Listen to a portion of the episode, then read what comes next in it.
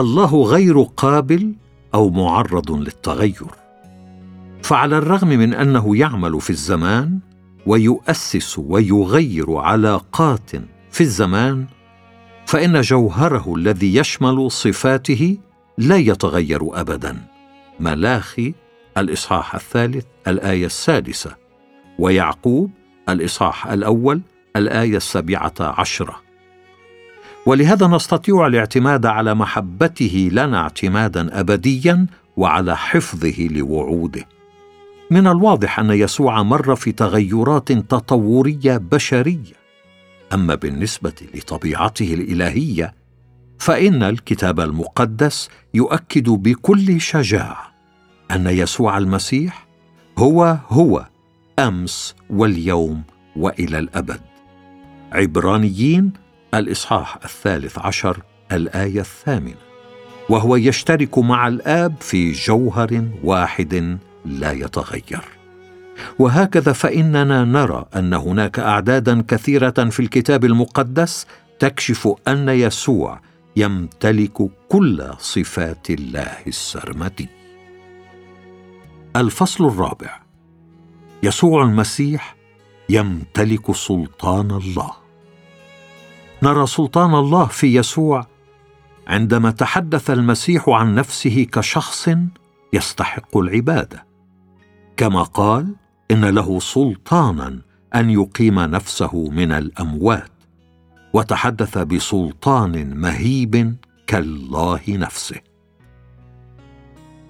قبوله للعبادة. إن موضوع العبادة في الكتاب المقدس هو أحد المواضيع الواضحة تماما. فالعهدان القديم والجديد يؤكدان أن العبادة هي لله وحده. قال يسوع لإبليس عندما حاول أن يجربه للرب إلهك تسجد وإياه وحده تعبد. متى؟ الإصحاح الرابع الآية العاشرة ولوقا الإصحاح الرابع الآية الثامنة. ولا يصح لبشر أو ملاك أن يتلقى العبادة. متى؟ الإصحاح الرابع الآية العاشرة. ورؤيا الإصحاح التاسع عشر الآية العشرون. والإصحاح الثاني والعشرون الآيتان الثامنة والتاسعة. إذ لا يمكن أن يعطي الله مجده لآخر. اشعيا الإصحاح الثاني والأربعون الآية الثامنة.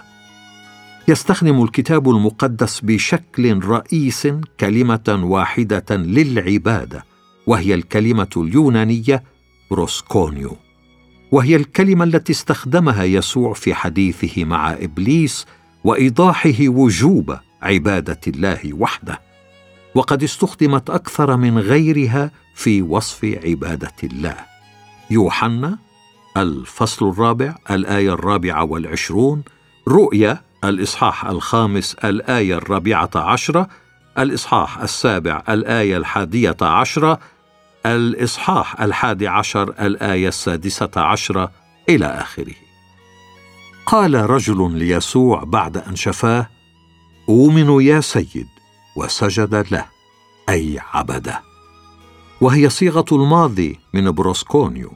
يوحنا الإصحاح التاسع الآية الثامنة والثلاثون. وتستخدم الكلمة نفسها في متى الإصحاح الرابع عشر الآية الثالثة والثلاثين. عندما سجد التلاميذ ليسوع بمعنى عبدوه بعد أن رأوه ماشيا على الماء. وفي مرة أخرى عندما رأى التلاميذ يسوع قبل القيامة وبعدها. نجد في كل هذه الحوادث أن يسوع ذاته الذي سبق أن انتهر الشيطان لمحاولته أن يجربه بالعبادة الخاطئة لم يحجم عن تلقي العباده مظهرا استنكاره ورفضه التام لتقديم العبادة للشيطان على أساس أن العباده هي لله وحده لكن يسوع قبل العبادة كحق له.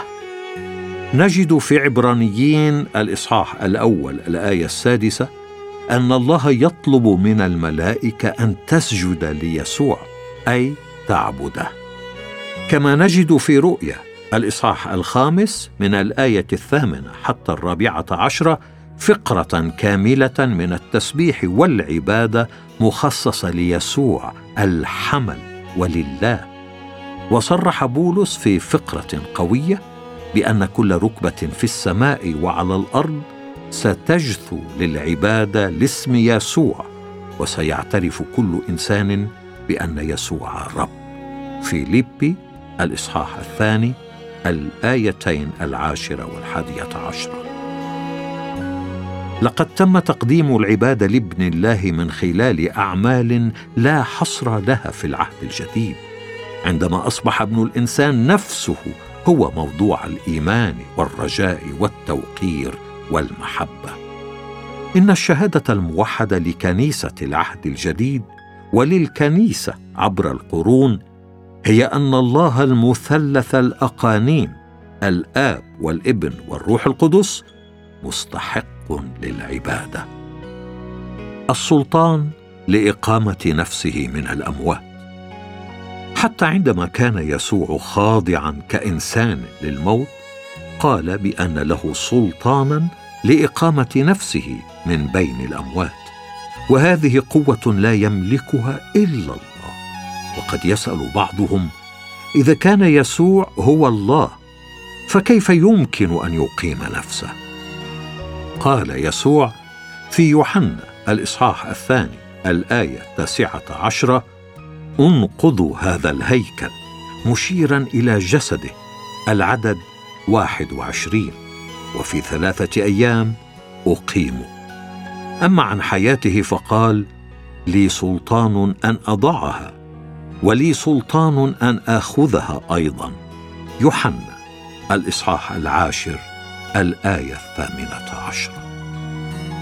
تكلمه كالله.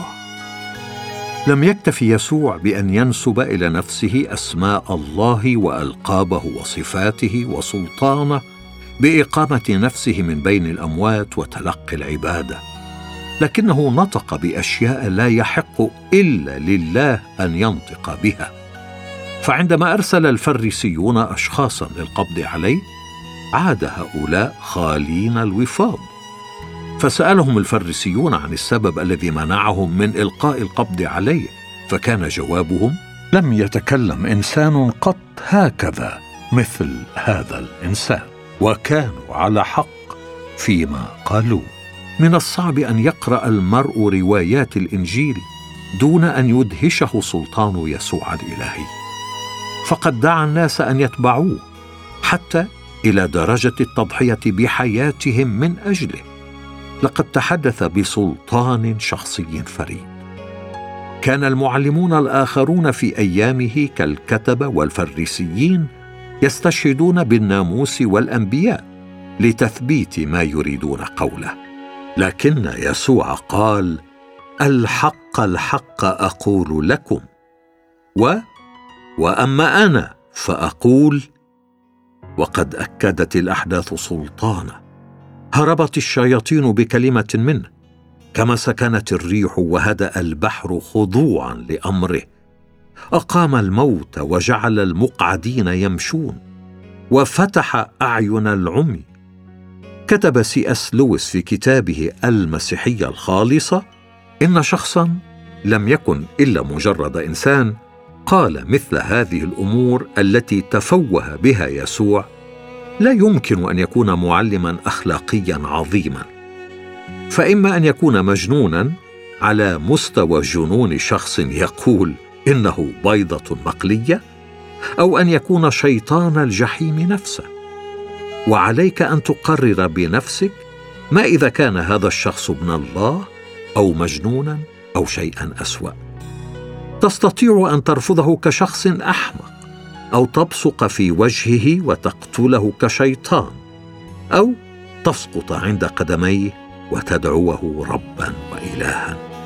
لكن لا تتنازل فتقول كلاما فارغا بأنه معلم أخلاقي عظيم. فهو لم يترك هذا كخيار مفتوح أمامنا ولم يكن ذلك قصده الفصل الخامس أصبح الله انسانا في يسوع المسيح. يعلم الكتاب المقدس أن يسوع كان الها كاملا وانسانا كاملا في الوقت نفسه. قال بولس عن يسوع فإنه فيه يحل كل ملء اللاهوت جسديا. فعلاقة يسوع مع الآب والروح القدس علاقة فريدة ضمن الثالوث الأقدس. لقد اختار المسيح في تجسده طوعا أن يضع نفسه تحت سلطان الآب. لم يفعل ذلك لأنه كان مضطرا ولكن لأنه اختار ذلك كجزء من خطة الله. ويشرح بولس هذه الفكرة في فيليبي الإصحاح الثاني الآية الخامسة حتى الثامنة. فليكن فيكم هذا الفكر الذي في المسيح يسوع أيضا الذي إذ كان في صورة الله لم يحسب خلسة أن يكون معادلا لله لكنه أخلى نفسه اخذا صورة عبد صائرا في شبه الناس. وإذ وجد في الهيئة كإنسان وضع نفسه وأطاع حتى الموت موت الصليب. إن تخلي يسوع عن مساواته بالآب يفترض أنه كان مساويا له. الكلمة اليونانية المترجمة مساواه هنا مشتقة من جذر كلمة آيزوس المستخدمة في الهندسة في وصف المثلث المتساوي الساقين. كما تعلم هذه الفقرة أن يسوع كان موجودا في هيئتين كالله العدد السادس وكعبد العدد السابع. وجد في الهيئة كإنسان. وتشير هذه الحقيقة التي ذكرها بولس إلى حدوث غير المتوقع أن يصبح الله إنسانا. ولا تشير كلمة خلسه إلى أن يسوع كان يحاول اختلاس المساواة مع الله. ولكنها تشير إلى أنه وهو المعادل لله لم يتمسك أو يتشبث بامتيازاته الإلهية وهو على الأرض. فقد عاش حياته الأرضية بقوة الله. لقد أصبح الله الإبن الذي خضع خضوعا وظيفيا وليس بالطبيعة لله انسانا اخذا طبيعة بشرية حقيقية ثانية. ثم قام طوعا بفعل هذا الخضوع بتقديم نفسه ذبيحة من أجل خطايا العالم. إن خضوع يسوع لا يتنافى مع مساواته الجوهرية للآب والروح القدس. إذ لابد أن يكون الله الإبن من طبيعة الله الآب نفسها. وهذا واضح في يوحنا الإصحاح الخامس الآيتين السابعة عشر والثامنة عشر. يعلق المفسر ليون موريس على هذين العددين فيقول نقرأ أن يسوع شفى رجلا كسيحا في أورشليم يوم السبت وأنه دخل في صراع عنيف مع قادة اليهود نتيجة لذلك. كان دفاع يسوع عن نفسه أبي يعمل حتى الآن وأنا أعمل. يوحنا الإصحاح الخامس الآية السابعة عشرة. ثارت ثائرة اليهود لأنه لم ينقذ السبت فحسب بل دعا الله أبا له معادلا نفسه بالله العدد الثامن عشر.